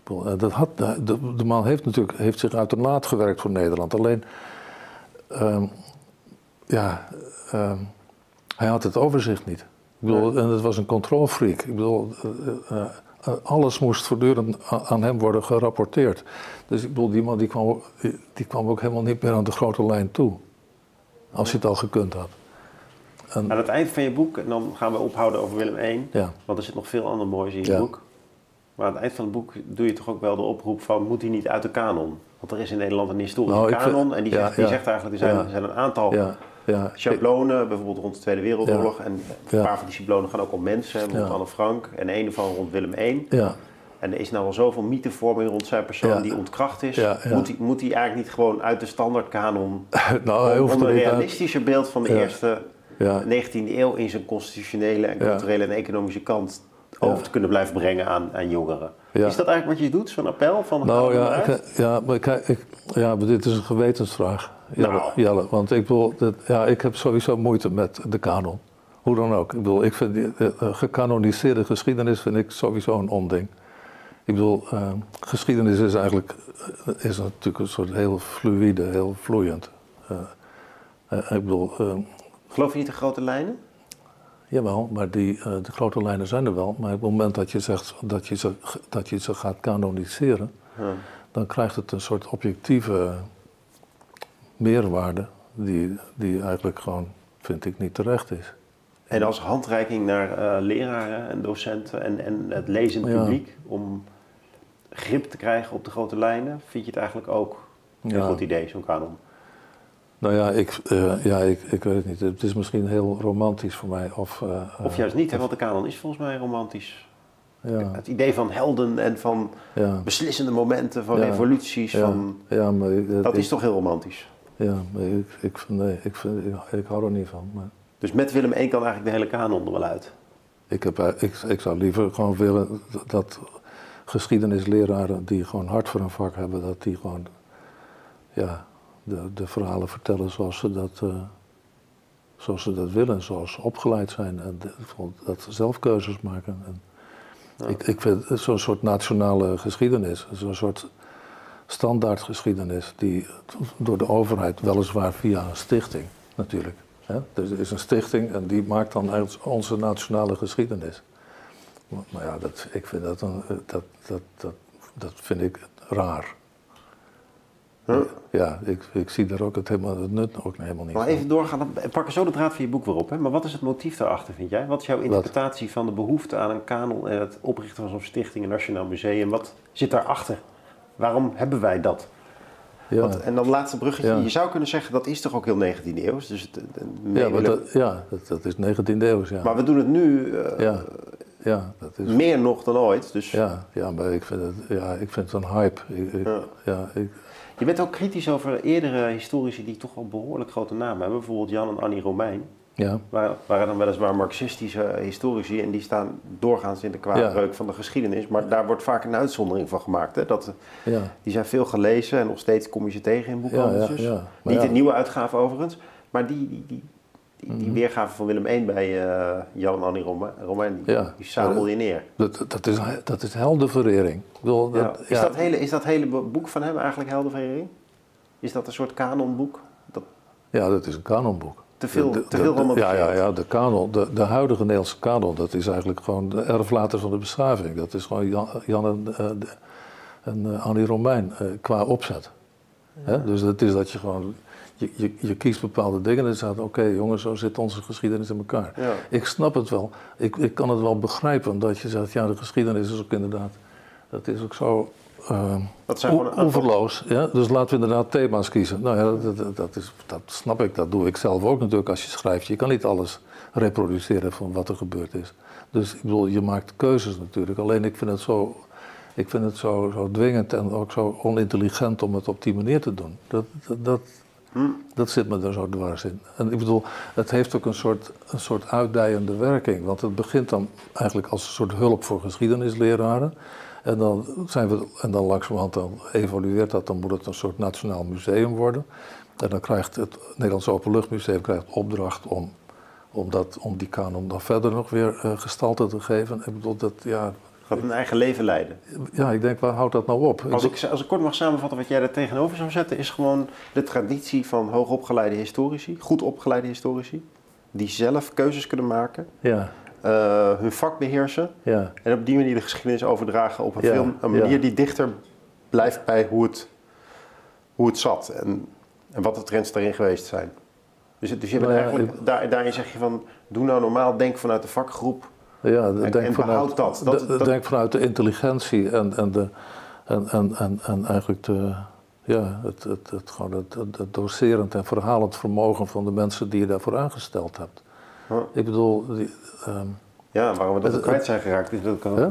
het is natuurlijk ook een godspe dat we dat overboord hebben gegooid. Ja, ik, ik vind het jammer. Ja, ik vind het jammer. Ik, ik, ik zie het, ja, het is, een soort, het is een soort bedrijfsmodel, vind ik. Ik bedoel, dat, dat past helemaal niet bij Geschiedenismarketing. denk, denken over de samenleving. En, Ook al genoeg, genoeg hierover. Ja. Eh, Ja, die, die. Want het is duidelijk dat jij dus ook zegt van die Willem I, die, daar hebben we een geromantiseerd beeld van. Vooral op internet, vooral in de kanon. Terwijl andere historici, je haalde al even zijn biograaf aan. Die laten heel duidelijk zien dat deze man toch weinig goeds heeft betekend voor Nederland. Eh, hoewel die zich met hart en ziel heeft ingezet. Ja. Dat is Ja. paradoxaal. ja, een harde werker, maar ja, een van de dingen waar dit ook uit blijkt is dat je zegt van hij la- laat zich graag associëren met allerlei eh, daden van het leger, de daadkracht van, van het leger. oh ja, ja, ja. Met eigenlijk- jubileum, ja. Terwijl eigenlijk had hij daar de ballen verstand van. Ja. Terwijl hij zich dus wel zo laat portretteren met, die, eh, ja. met, met, met Ja. die artillerie en zo en die, die legerleiders op het schilderij. Dus, Maar ja, dus dat hij is- heeft zelf wel bijgedragen aan zijn eigen kanonisering daarmee. Ja, nou ja, dat is dus vind ik ook een heel grappig detail. Eh, ik bedoel, hij- toen hij, had, toen hij 25 jaar eh, koning was, jubileum is toen gevierd, hè? En eh, wat was het? Eh, 38 geloof ik. Ja, eh, 1838. En dan komt er een, er wordt er een soort lito, een, prent ge- gemaakt waar je de koning op ziet met zijn, met zijn grote momenten. En er is eigenlijk geen enkel moment waarvan je zegt, nou dat is een grote prestatie van Willem I. Dat, dus, een man zonder wapenfeiten. Ja, in feite gewoon, ja, dat, dat, dat vind ik dus heel curieus. Ja. En nou ja, goed, er komt dan bij, dat is gewoon ook natuurlijk al heel vaak, al honderd jaar vastgesteld, dat, dat hij, toen hij toen die wegging in 1840, hij is opgestapt, hè, gewoon zelf, omdat hij het ook niet meer zag zitten, geloof ik. Maar is hij gaan uitwaaien in Duitsland? Ja, geen, geen, eh, ja, maar goed, 1840 is hij opgestapt. Toen heeft hij, toen heeft hij Nederland overgedragen aan zijn zoon, die eigenlijk gewoon een hekel had aan staatszaken. Willem II had een hekel aan staatsdingen. Maar, eh, dus, eh, hij, maar goed, hij, Willem I is weggegaan. En toen, toen zat Nederland met een staatsschuld door de koning veroorzaakt. Uh, die qua, uh, dus per hoofd van de bevolking de hoogste van, van Europa was. En ik bedoel, dat, dan denk ik, ja jongens, dat... Wat een incompetente... Nou ja, dat is... Dat, ik, ik, ik wil Willem I niet helemaal afserveren. Daar gaat het, het gaat mij niet eigenlijk het, gaat me, het gaat me ook niet om koning Willem I, het gaat me over de reputatie die we eigenlijk aan koning Willem I toedichten. Dat, daar vind ik dat we daar gewoon beter naar moeten kijken. We, we, helder, we, toelichting. we, moeten niet een heldenverering gaan doen. Dat vind ik gewoon een beetje... In dit geval helemaal niet. Ja. Ook we gaan wat mij betreft uh, naar uh, het water. Oh. Ja. Um, er is weinig mobiliteit in het begin van de 19e eeuw, maar wel wat. Uh, het wordt ook wel de tijd van trekschuiten genoemd. Ja. Trekschuiten en bijvoorbeeld wordt er dan aan toegevoegd ijverloosheid, lag ik in jouw boek, las in je boek. Een Ja. soort uh, uh, acceptatie, aanvaarding van de sloomheid van het leven en acceptatie ook van dat je de wereld niet onder controle hebt. maar dat, dat gaat in die loop van de 19e eeuw natuurlijk radicaal veranderen. Men wil steeds meer controle, maar die trekschuiten die hebben trekvaarten en kanalen nodig. Daar wordt een hele hoop toch wel van gegraven. Mm -hmm. uh, bijvoorbeeld één tussen Amsterdam en Alkmaar. Ja. Ik dacht, dat is misschien een aardig voorbeeld om die wat uit te diepen. Mm -hmm. uh, waarom wordt die gegraven? Wie nemen daar de initiatief toe? wat had dat allemaal op het lijf? Waar, waar, waar was dat voor bedoeld? Ja. is dat nou een soort kanaal dat er nog enigszins lijkt op wat we daar nu zien, zien lopen? Kunnen, kunnen, we daar nog iets van die historische ervaring hebben? Of, of is het allemaal Ja. zo vaak uitgebaggerd Ja. Dat, dat, dat, dat eigenlijk ook niet meer toegankelijk is als ervaring? Nou, neem ons eens mee naar, naar, naar dat Mhm. Ja. specifieke kanaal. Zo, ja. ja, je stelt een heleboel vragen achter elkaar. Ik hoop dat ik er nog een paar van weet. Maar ehm, om, om te beginnen, dus die trekvaart, of die, die kanalen bedoel ik, dat is, die, die, die horen ook heel erg bij het beeld dat we eh, eigenlijk eh, in de kanon hebben van dat Nederland van de eerste helft van de 19e eeuw. Daar, daar zijn die, die kanalen, dat is iets fenomenaals. Maar als je kijkt naar de, ook hier weer, dan relativeer ik dat. Want Nederland had al eh, iets van 200 eh, waterwegen die ook inderdaad gewoon voor het verkeer dienden. 200 waren er al. Er zijn er acht bijgekomen. En, dus het, en, en of die nou echt heel veel succes gehad hebben, dat betwijfel ik. Eerlijk gezegd. Dat, dat, dat, ga ik, nou, dat kan ik niet allemaal herhalen, maar dat heb ik in mijn boek uitgelegd. En, eh, maar goed, nou dat Noord-Hollands kanaal, want daar vroeg je naar. Dat, dat is het kanaal dat tussen eh, Den Helder en Amsterdam gegraven is. Dat loopt via eh, Alkmaar en Purmerend. En dat het via Alkmaar loopt, dat, dat komt doordat eigenlijk de burgemeester van Alkmaar graag wilde dat het, langs, dat het door de stad Alkmaar kwam. En de reden die hij daarvoor had, is dat hij erop hoopte, ongetwijfeld, dat dat eh, bij zou dragen aan de, het economische draagvlak van eh, Alkmaar. En de koning eh, Willem I, of het, het kanaal is eigenlijk is er gekomen niet om handelsredenen, maar omdat eigenlijk de, bij, bij Den Helder, Den Helder was een belangrijk militair steunpunt voor het Nederlandse leger, voor de vloot. Want eh, op de plaats waar eigenlijk nu nog die eh, marine eh, Ja, dat is, ja, tot de dag van vandaag. ja, dat is, ja, dus dat, dat, die, die marinehaven bij Den Helder, die, die bestond al eigenlijk in de late 18e eeuw. En, maar die was eigenlijk vanuit Amsterdam. Amsterdam was natuurlijk het, het belangrijke centrum. Amsterdam had, had een probleem als de Zuiderzee zou worden. Als er een vijandelijke vloot in de Zuiderzee zou liggen, dan kon Amsterdam niet meer bij, bij die marinehaven komen. Dus dan, dan was Amsterdam eigenlijk niet meer in staat om bevoorrading en, en, steun te geven aan de marineschepen die bij Den Helder lagen. En toen is er vanuit de marinetop gezegd van als we nou een kanaal zouden hebben tussen Amsterdam en, en Den Helder, dan kon je eigenlijk via, via dat kanaal eigenlijk zorgen dat die, dat die legerbasis bij Den Helder dat die werd bevoorraad mhm. en, versterkt. En toen, um, nou dat, dat was een idee dat toen uh, gelanceerd is bij, uh, bij, de, bij de koning. En toen Amsterdam, de, de, gemeente of de stad Amsterdam daarvan hoorde, toen, toen hebben ze gezegd als wij er nou ook geld bij doen, uh, mag dat kanaal dan eigenlijk zo diep worden dat ook zeeschepen via dat kanaal naar Amsterdam toe kunnen komen. Want Amsterdam had een probleem met eigenlijk die, uh, met, de, met de monding van het ei, want dat, die werd te ondiep vanwege, nou ja, dat, daar waren ze heel vaak aan het baggeren, maar dat hielp niet echt. Dus dat, die, het werd daar door die verzanding en zo, werd het te ondiep. Dus dat, Amsterdam werd moeilijk bereikbaar voor zeeschepen. En Amsterdam hoopte dan dat via eigenlijk dat kanaal, eigenlijk dus die uh, havenfunctie van Amsterdam uh, voor de internationale, voor de grote vaart uh, behouden zou blijven. Ja, toen, um, toen heeft Alkmaar toestemming gekregen van de koning om eigenlijk ehm, dat kanaal door de stad te laten lopen. Op voorwaarde dat, dat Alkmaar daar flink voor ging betalen. Nou, dat, dat hebben de, heeft de Alkmaarse bevolking dan ook gedaan. En uh, daardoor loopt dat kanaal met een, een beetje een vreemde bocht. Huh? Omweg door Alkmaar heen. Echt door de stad heen, want er is een gedeelte van de stadsgracht is eigenlijk voor dat kanaal uh, geschikt gemaakt. Hm. En het is een heel klein stukje ook door de stad gegraven. En lijkt dat nog in enig opzicht op wat het toen was? Tegenwoordig op bepaalde ja, punten? Maar ja, ja, in de breedte of zo? Ja, breedte. Ja, nou ja, de, de, uh, er zijn wel een paar dingen die, als je het weet, nog wel doen denken aan, het, aan vroeger. Maar dan, ja, je moet eigenlijk, zoals bij alles eigenlijk, aan, aan dat negen, vroege 19e eeuwse landschap moet je best wel veel fantasie gebruiken. Hmm. Uh, bijvoorbeeld in, dat, in het 19e eeuwse kanaal had je uh, vlotbruggen.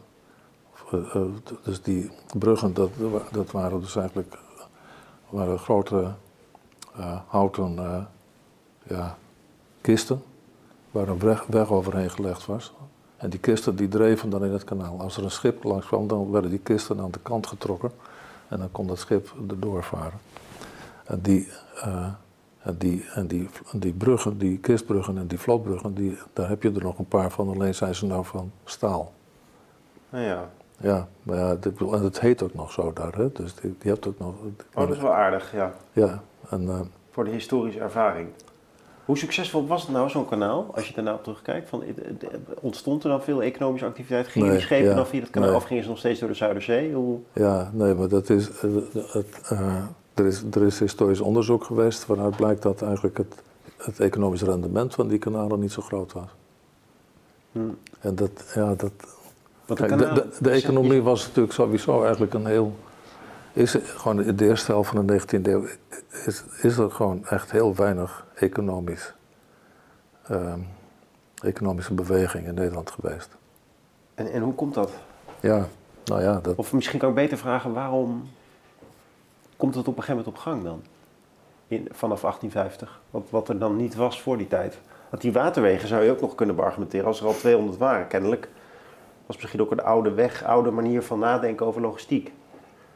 Dat is, dat is, ja, maar ja, kijk. Misschien meer iets 18e eeuw eigenlijk dan, of zeker weten. Ja, ja maar ja, dus uh, kijk, uh, die, die waterwegen die zijn ook alleen maar infrastructuur. Ik bedoel, er moet wel iets gebeuren om eigenlijk die waterwegen productief te maken. ik bedoel, de, de, de, de infrastructuur zelf uh, het, ja, het, kijk, ik, ja, ik, zit even, ik, ik, spring even over naar een voorbeeld uit, uit onze eigen tijd. Ja, er is, een, um, er is ooit uh, in de late 20e eeuw een, uh, een, een, hele mooie weg gemaakt tussen de stad Groningen en, en, en Eemshaven. Vanuit het idee dat als we daar een hele mooie weg maken, dan krijgen we economische activiteit daar bij Eemshaven. En het, heeft iets van 15 of 20 jaar geduurd voordat er überhaupt wat economische activiteit was. Want die, een, een weg alleen levert geen economische activiteit op. Want er moet eigenlijk aan die twee kanten van die weg moet iets gebeuren voordat die weg gebruikt wordt. Ja. dus het, het, het zit hem eigenlijk niet in die infrastructuur. Die infrastructuur maakt het alleen maar mogelijk om van A naar B te komen. Maar er moet in A en B wel iets gebeuren om eigenlijk verkeer mogelijk te maken. En, en, en, dat, en dat laatste, dat is eigenlijk in de eerste helft van de 19e eeuw in Nederland eigenlijk bijna niet aan de hand. Het is gewoon een, hele stil, een heel stil wereldje. Een, een, voorbeeld, als ik het goed onthouden heb uit je boek, is dan wel het spoor tussen Amsterdam en Rotterdam. Ja, maar dat dan niet vanwege uh, vrachtverkeer, maar eigenlijk de, het personenvervoer. Dat was een enorm succes. Oh, ook nog niet eens echt. Dus, dus meer dagje uit of familie. Ja, ja, ja, ja, ja. En gewoon de sensatie van de trein. Ja. Een beetje Efteling-achtig. Ik bedoel, het. Uh... Ja. En het begin van je boek haal je potgieter aan, op een kritische manier trouwens. Ja. Die heeft een uh, frase aan het Nederlands toegevoegd, ja. namelijk een Jan Sali-geest. Ja, ja. En uh, ik kende de term wel, maar uh, ja. ik was even vergeten dat hij van potgieter kwam. Ja. Dat had ik eens een keer ergens opgepikt, maar toen ik dit las dacht ik wel, oh ja, zo zat dat. Ik zal het even voorlezen, ja? Het is jouw tekst. Hm. Jan Sali, de nietsnut, deugde niet voor het zaken doen. Hij zou overal te laat komen en zich door iedereen laten beetnemen. Het enige wat hij kon was coupons knippen, rente incasseren zonder risico te lopen. En zelfs dat lukte die Jan Sali niet. Potgieter had het hier over een mentaliteit die hij om zich heen bespeurde. Hij wilde actie. Een Holland zoals dat in de 17e eeuw was. En dan zeg jij, ik heb echter wel begrip voor die couponknippers. De rechtszekerheid voor mensen met, met een kapitaaltje was rond 1840, niet heel groot. 1840 zitten we dan al. Nog steeds dus. Ja, het is, dat is het jaar waarin Willem I weggaat, hè? Ja. ja. En dan zeg je, het was een tijd waarin de Nederlandse staat praktisch failliet was. Oké, dat had je al toegelicht. Ja. Het kost niet veel voorstellingsvermogen om te bedenken dat zoiets niet goed is voor een ondernemersklimaat. Ja. Dus die potgieter die wil dat echte ondernemer, die bekritiseert mensen hun suffigheid, hun zesjesmentaliteit, zal ik maar zeggen. Ja, ja.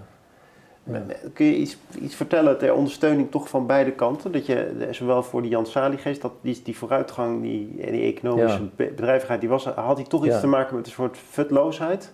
Ja, maar ja, nee, ik denk dus dat, ja, dat ik, kijk, ik, in, in dit boek uh, breng ik eigenlijk het idee naar voren dat we gewoon eens erover zouden moeten nadenken of uh, koning Willem I, die eigenlijk altijd genoemd wordt als koopman-koning, die eigenlijk de Nederlandse economie aan de gang bracht.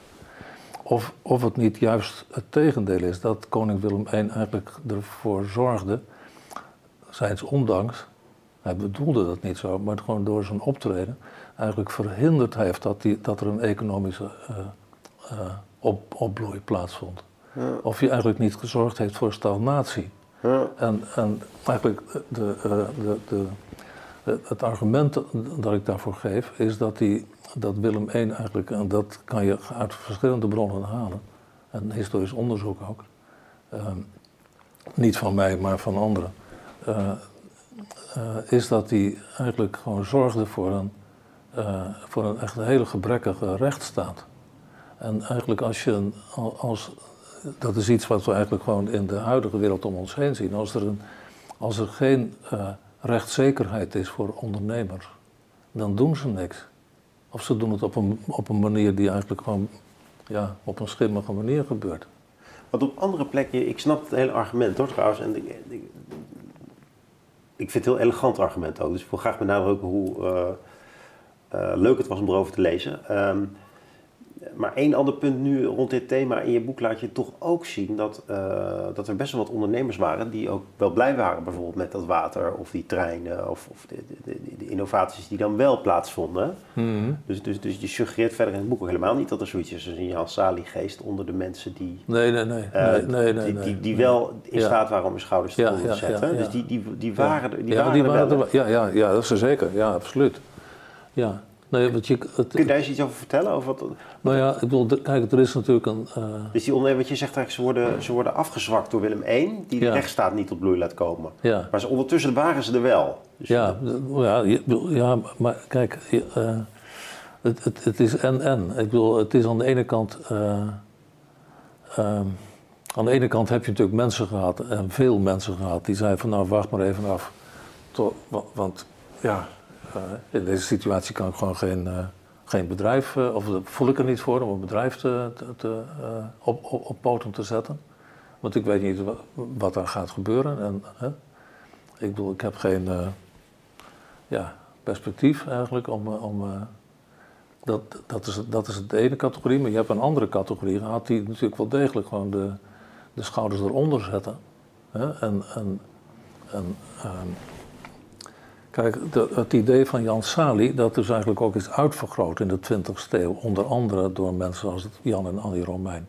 He, dus die zei van Willem, nou ja, Willem, die zei van Willem I, dat is eigenlijk gewoon de man geweest die uh, deed wat hij deed, omdat eigenlijk de rest van de samenleving gaat, zat te slapen en te suffen en zo. Hè. Dat is, dat, dat, dat, Nederland was eigenlijk, gewoon de Nederlandse bevolking was, had, was uh, geteisterd door die Jan Sali-geest. En Willem I die moest wel gewoon even optreden. Want anders dan kwam de zaak niet in beweging. En dan zeg ik, ja, dat is gewoon een soort generalisatie die gewoon niet deugt. Dat is beeldvorming die niet deugt. Ja, ja. En, en, want er waren ook Nederlanders die, die, die nou ja, ik noem ook voorbeelden. Hè, die, bedoel, mensen als, als Kraaienhof, hè, generaal Kraaienhof. En uh, Van Hogendorp, graaf van Hogendorp. En, uh, en. En ik bedoel, er zijn allemaal mensen geweest in die periode die die gewoon van enorm veel uh, betekenis geweest zijn voor de opbouw van dat, van dat jonge Nederland. Alleen, uh, ja, ik bedoel, dat, het is Had er veel meer kunnen zijn geweest? Ja, ik denk het wel, ja. Maar ik bedoel, het punt is dat eigenlijk, ja, we hebben het nou weer over koning Willem I, dat wordt misschien ook wel vervelend. Nou, maar helemaal niet. Het is... Maar, maar het, was, het was niet een man die, uh, het was niet een man die eigenlijk gewoon uh, talent stimuleerde omdat hij gewoon zelf die touwtjes in handen wilde hebben. Hij was niet modern daarin. Nou ja, ik bedoel, hij kon, niet, dele hij kon niet delegeren. Dat is, bedoel, hij, hij, hij delegeerde niks. Om, om, eh, en, ja, ik bedoel, dan... Uh, ja, ik denk dat dat, dat dat contraproductief gewerkt heeft. Ja, ook nog een ander aspect van dit boek. Het leger ja. Uh, de manier hoe de militairen georganiseerd waren. Dat ja. stuk dat opent zo mooi met een etymologische verkenning van het woord leger zelf. Ja, ja, Misschien leuk kan je hem zelf nog even met ons delen. Ja. Waar komt eigenlijk dat woord leger vandaan? Als de opmaat naar hopelijk uh, een verhaal van jou over hoe uh, het militaire apparaat werkt. Toen. En dan gaan we nu dus even niet naar Willem I. Nee, nee, nee. Dan gaan we nu gewoon even horen hoe over, die krijgsmacht toen in elkaar zat. Over iets leuks, ja, goed.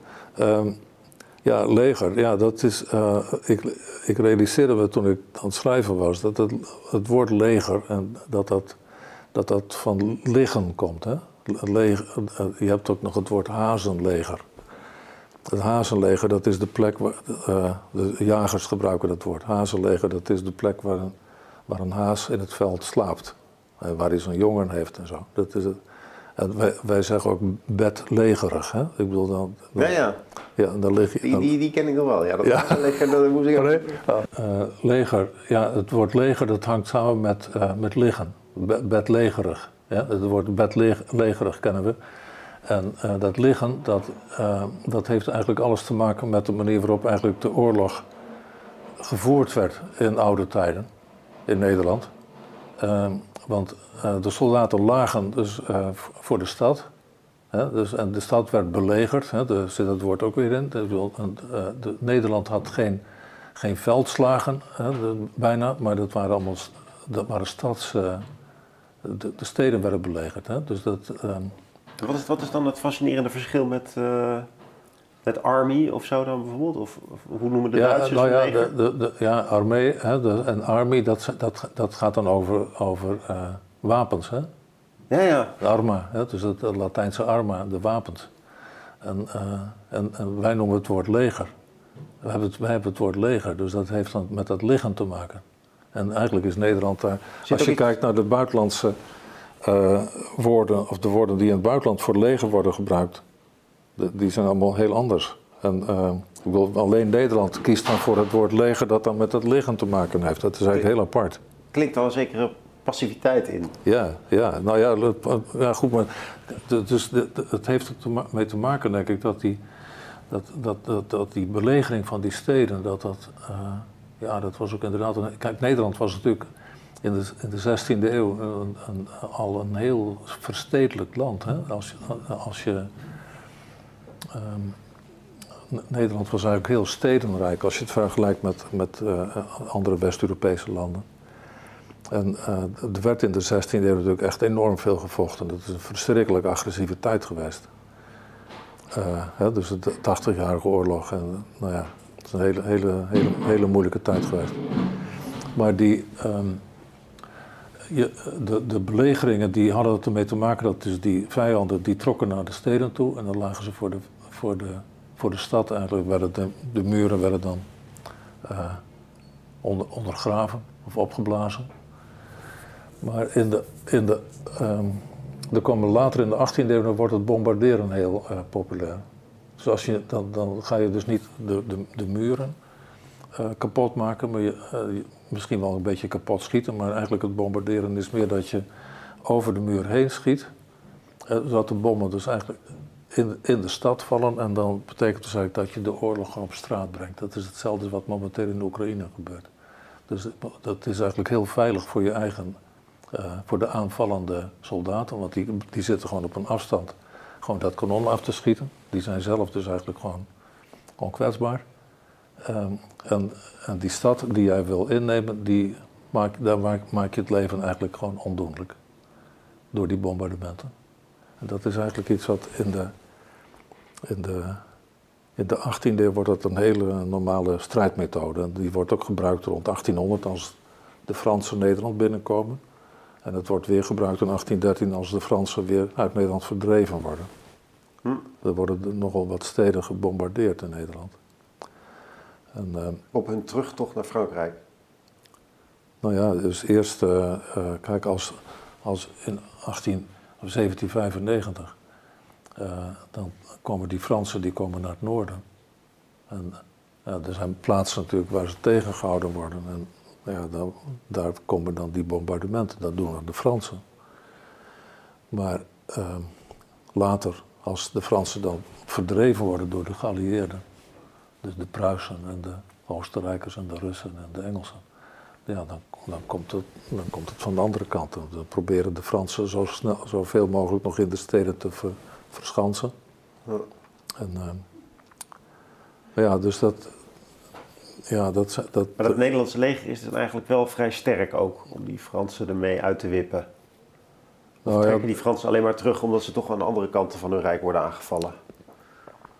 Ja, of, of het Nederlandse leger sterk was, dat weet ik eigenlijk niet. Dat is een, eh, kijk, het Nederlandse leger eh, is voor een heel groot deel ook ehm, een schutterij. Hè? Dat, de, de, de, de, de steden hadden een eigen legertje, dat was de schutterij.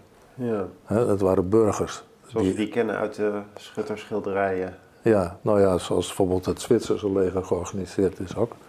Ik bedoel, dat zijn dus eigenlijk gewoon, eh, ja, gewoon burgers die hebben dan wapens en zo in huis. En dan op het moment dat het nodig is, dan worden de wapens tevoorschijn gehaald. Ja. En, eh, Dat waren een dus niet, soort eh, burgerwacht. Hm. Ja. En eh, En was dat anders dan in de 18e eeuw of in de 17e eeuw? nee, dat was, het, dat was nog hetzelfde de- idee. Hm. En, en er waren veel eh, huurlingen. Ik bedoel, je, je had niet een leger, leger van dienstplichtigen, dat is pas later gekomen. Maar je had huurlingen, dus dat waren mensen die, ja, die werden, dat waren vaak buitenlanders. Zwitsers en Duitsers en weet ik wel, waar, die- waar ze maar vandaan kwamen. Hm. Een soort vreemdelingenlegioen. Dus die kregen dan gewoon, ja, die, die verhuurden zich aan wie maar wilde. waren militairen gewoon van beroep, beroepsmilitairen. En die deden dat gewoon voor een, voor een salaris. Ja. Ja. Nou ja, het leger interesseert. Ik, heb- ik heb een aantal hoofdstukken over die leger, over die militaire dingen geschreven, omdat.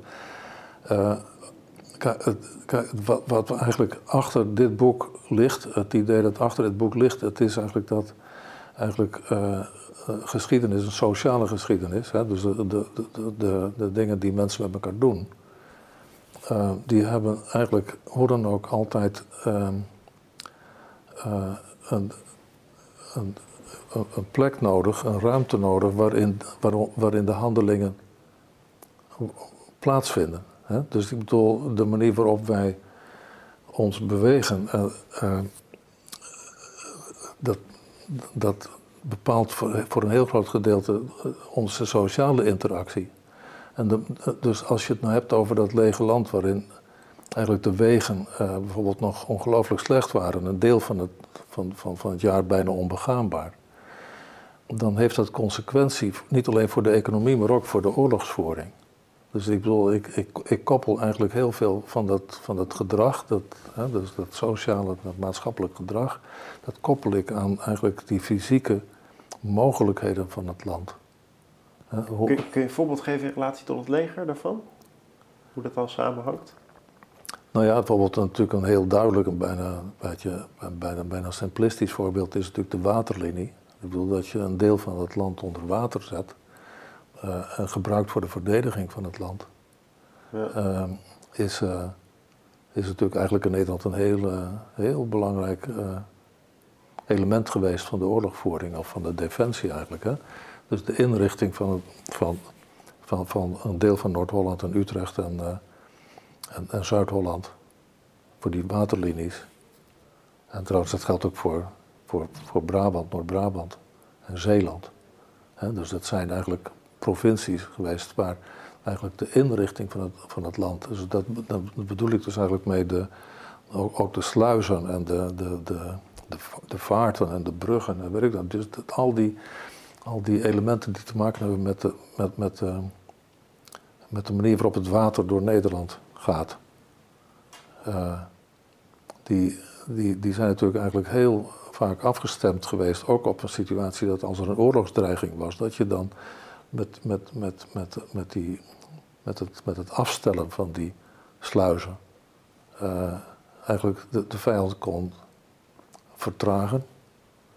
Eh, en als je, als, je die, als je die oprukkende vijand vertraagde, die opmars vertraagde door stukken land onder water te zetten, dan had Holland en met name Amsterdam de tijd om eigenlijk de, eh, de, de verdediging eh, in orde te maken.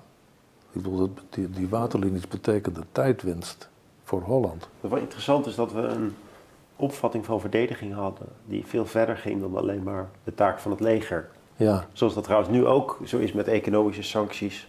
ja, Dus een soort geo-economie gebruiken om politiek te Ja, eh, ja, ja, eh, Denk aan het SWIFT afsluiten. ja, dat, dat je geen deals meer kan sluiten met de oligarchen. En, ja, Dat is hier dus het gebruik maken van het water. Het is natuurlijk alom bekend, maar het is wel mooi om nog een keer zo te horen. ja, ja. En de ingenieur en de steden en dorpen die denken dan ook eigenlijk mee in die zin. Ja, natuurlijk. Ja, ja, ja. Want het is natuurlijk, kijk, kijk, dat, dat waterbeheer, dat is natuurlijk dat is bij uitstek een, een zaak die eigenlijk heel lokaal eh, georganiseerd moet worden.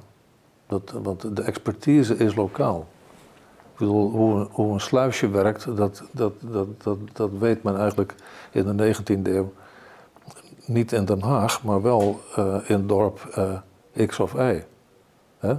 Ja. Eh, dus ik bedoel, de, eh, Maar behalve dat, je moet zitten bij de expertise, je moet weten wat je moet doen om te, te kunnen handelen, is er ook een soort gemeenschapszin voor nodig. Ja, ja, ja. ja, Dus een ja. besef dat je het samen Ja. doet. Ja, absoluut. Ja. Dus ja. die, die moet er ook geweest zijn in die vroege Ja, 19e ja, eeuw. ja, Dus maar dat, ja, je met dat- elkaar, dat je met elkaar toch ergens voor staat. ja. Nou, dat is, vind ik ook altijd een heel intrigerend eh, element. Ja. Dat intrigeert me ook altijd heel erg. Dus die, die, die, sociale samenhang. Ik heb het hier in dit boek, ja, ik heb het in alle boeken noem ik het wel een keer, maar eh, dat, dat, dat, dat. Kijk, we leven nu in een, in een samenleving waarin eigenlijk eh, sociale samenhang voor een heel groot gedeelte ook bestaat, eh, of georganiseerd is, moet ik zeggen. door wet en regelgeving. Ik bedoel, er is ontzettend veel wat mag en wat niet mag. Dus echt, dat is. Dat is hè? Ik bedoel, Ja. Nou ja, laten we wel zijn, er is ook ontzettend veel eenzaamheid. Ja, nee, er is heel veel sociale ik fragmentatie. Ja, natuurlijk, maar ik bedoel, ik heb het, ik heb het nou eigenlijk over hele. Ja, we, ik, we denken even aan verschillende dingen, geloof ik. Ik, eh, ik bedoel, die, die, die samenhang die er is, de, de, dat bedoel ik mee eigenlijk de manier waarop de maatschappij georganiseerd is. Ja, ja, En dat is niet per se eigenlijk eh, samenhang ik snap wat je op een gevoelsmatige manier. De vanzelfsprekende institutionalisering van Ja, de maatschappij. ja, ja, ik bedoel dus dat het, Ja. geen, dat het geen chaos is. Nee, en bij ons is het allemaal uitgedacht, geprotocoleerd. Ja, ja. En dat, dus op, op ieder terrein. En dat heeft te maken met, eh, als jij een badkamer bestelt, dat, je, dat, dat dan de installateur weet waar hij de stopcontacten moet maken en waar ze niet mogen. Hè? Op, op- en dat heeft te maken met als we hier op straat lopen, dat, dat, dat we niet onder de auto komen, omdat die automobilist remt en niet doorrijdt. Want ik bedoel, er zijn allemaal, van die, het zijn allemaal afspraken. Er is ontzettend veel wat eigenlijk op een of andere manier ge- geregeld is.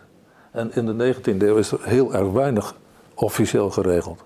Maar de, dat de samenleving geen chaos is, dat komt doordat er eigenlijk heel veel afspraken zijn die eigenlijk op een sociale manier gecontroleerd worden.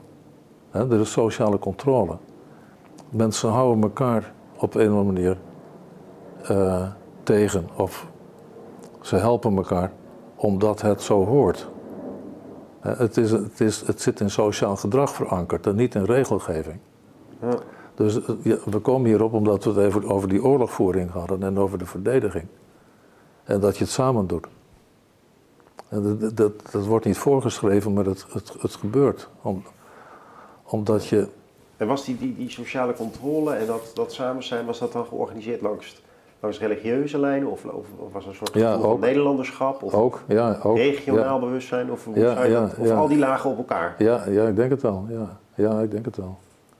Ja, ja het, het zijn wel van die, het zijn wel van die, van die, van die regels die, eh, die. Het begint er al mee.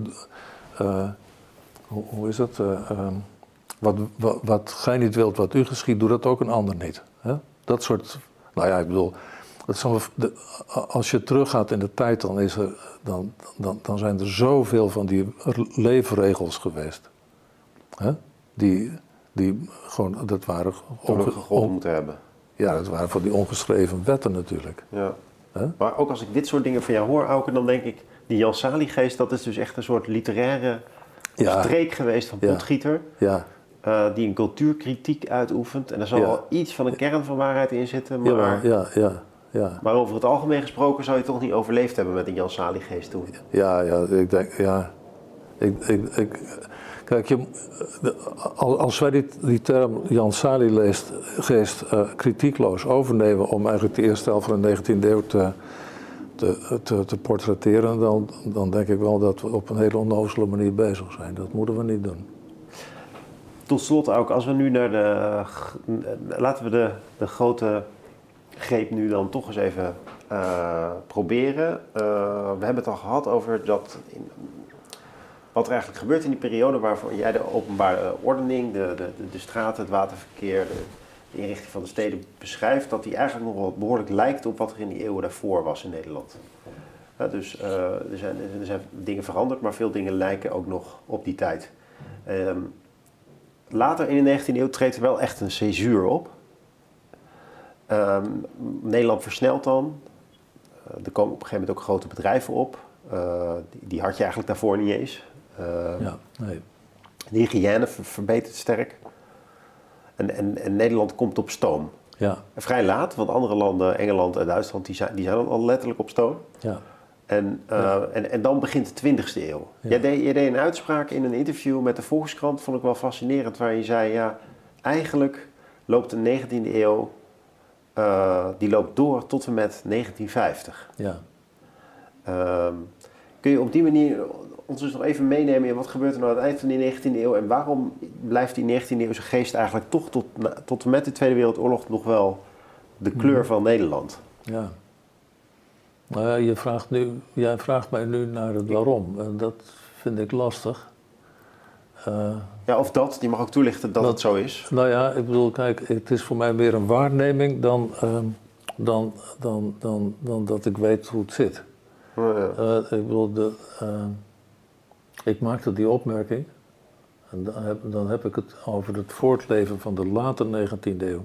Van een soort, soort laat 19e eeuwse cultuur. Die eigenlijk eh, een hele sterke permanentie heeft. Tot het moment dat Nederland eigenlijk ehm, ja, gaat moderniseren. Dat eigenlijk het, het begrip vooroorlogs een soort scheldwoord wordt. Dus alles wat eigenlijk voor 1940, 1945 is, dat heet vooroorlogs en dat, eh, daar neemt men afscheid van hè, in 1950. Want dan gaat Nederland eigenlijk de moderne kant op. En dat, dat, dat, is een, dat is wel een soort moment, een soort kantelmoment geloof ik, cultureel.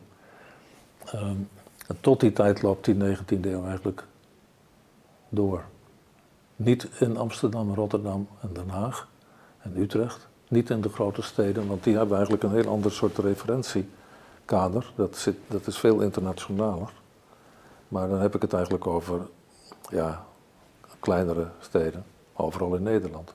Hm.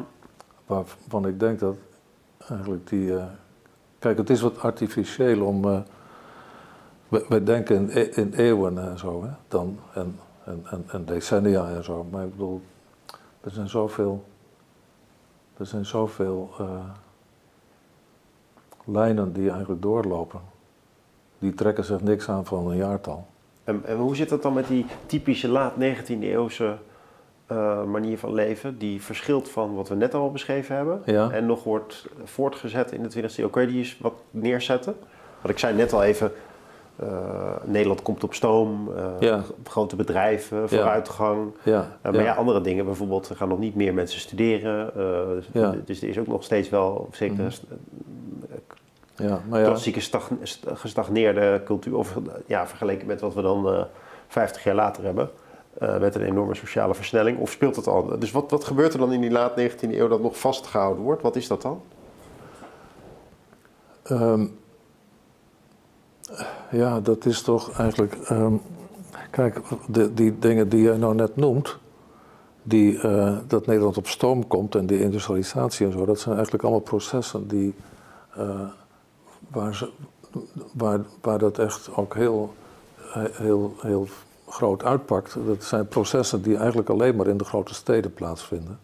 En eigenlijk zijn heel veel steden in Nederland, kleine nou ja, zeg maar wat we dan noemen plattelandsteden, die, die hebben die industrialisatie niet en die, dat het op stoom komt of zo. Dat, ik bedoel, er komt niks op stoom. Is- nee, ik bedoel, dat, het, het, het leven gaat daar gewoon wel door.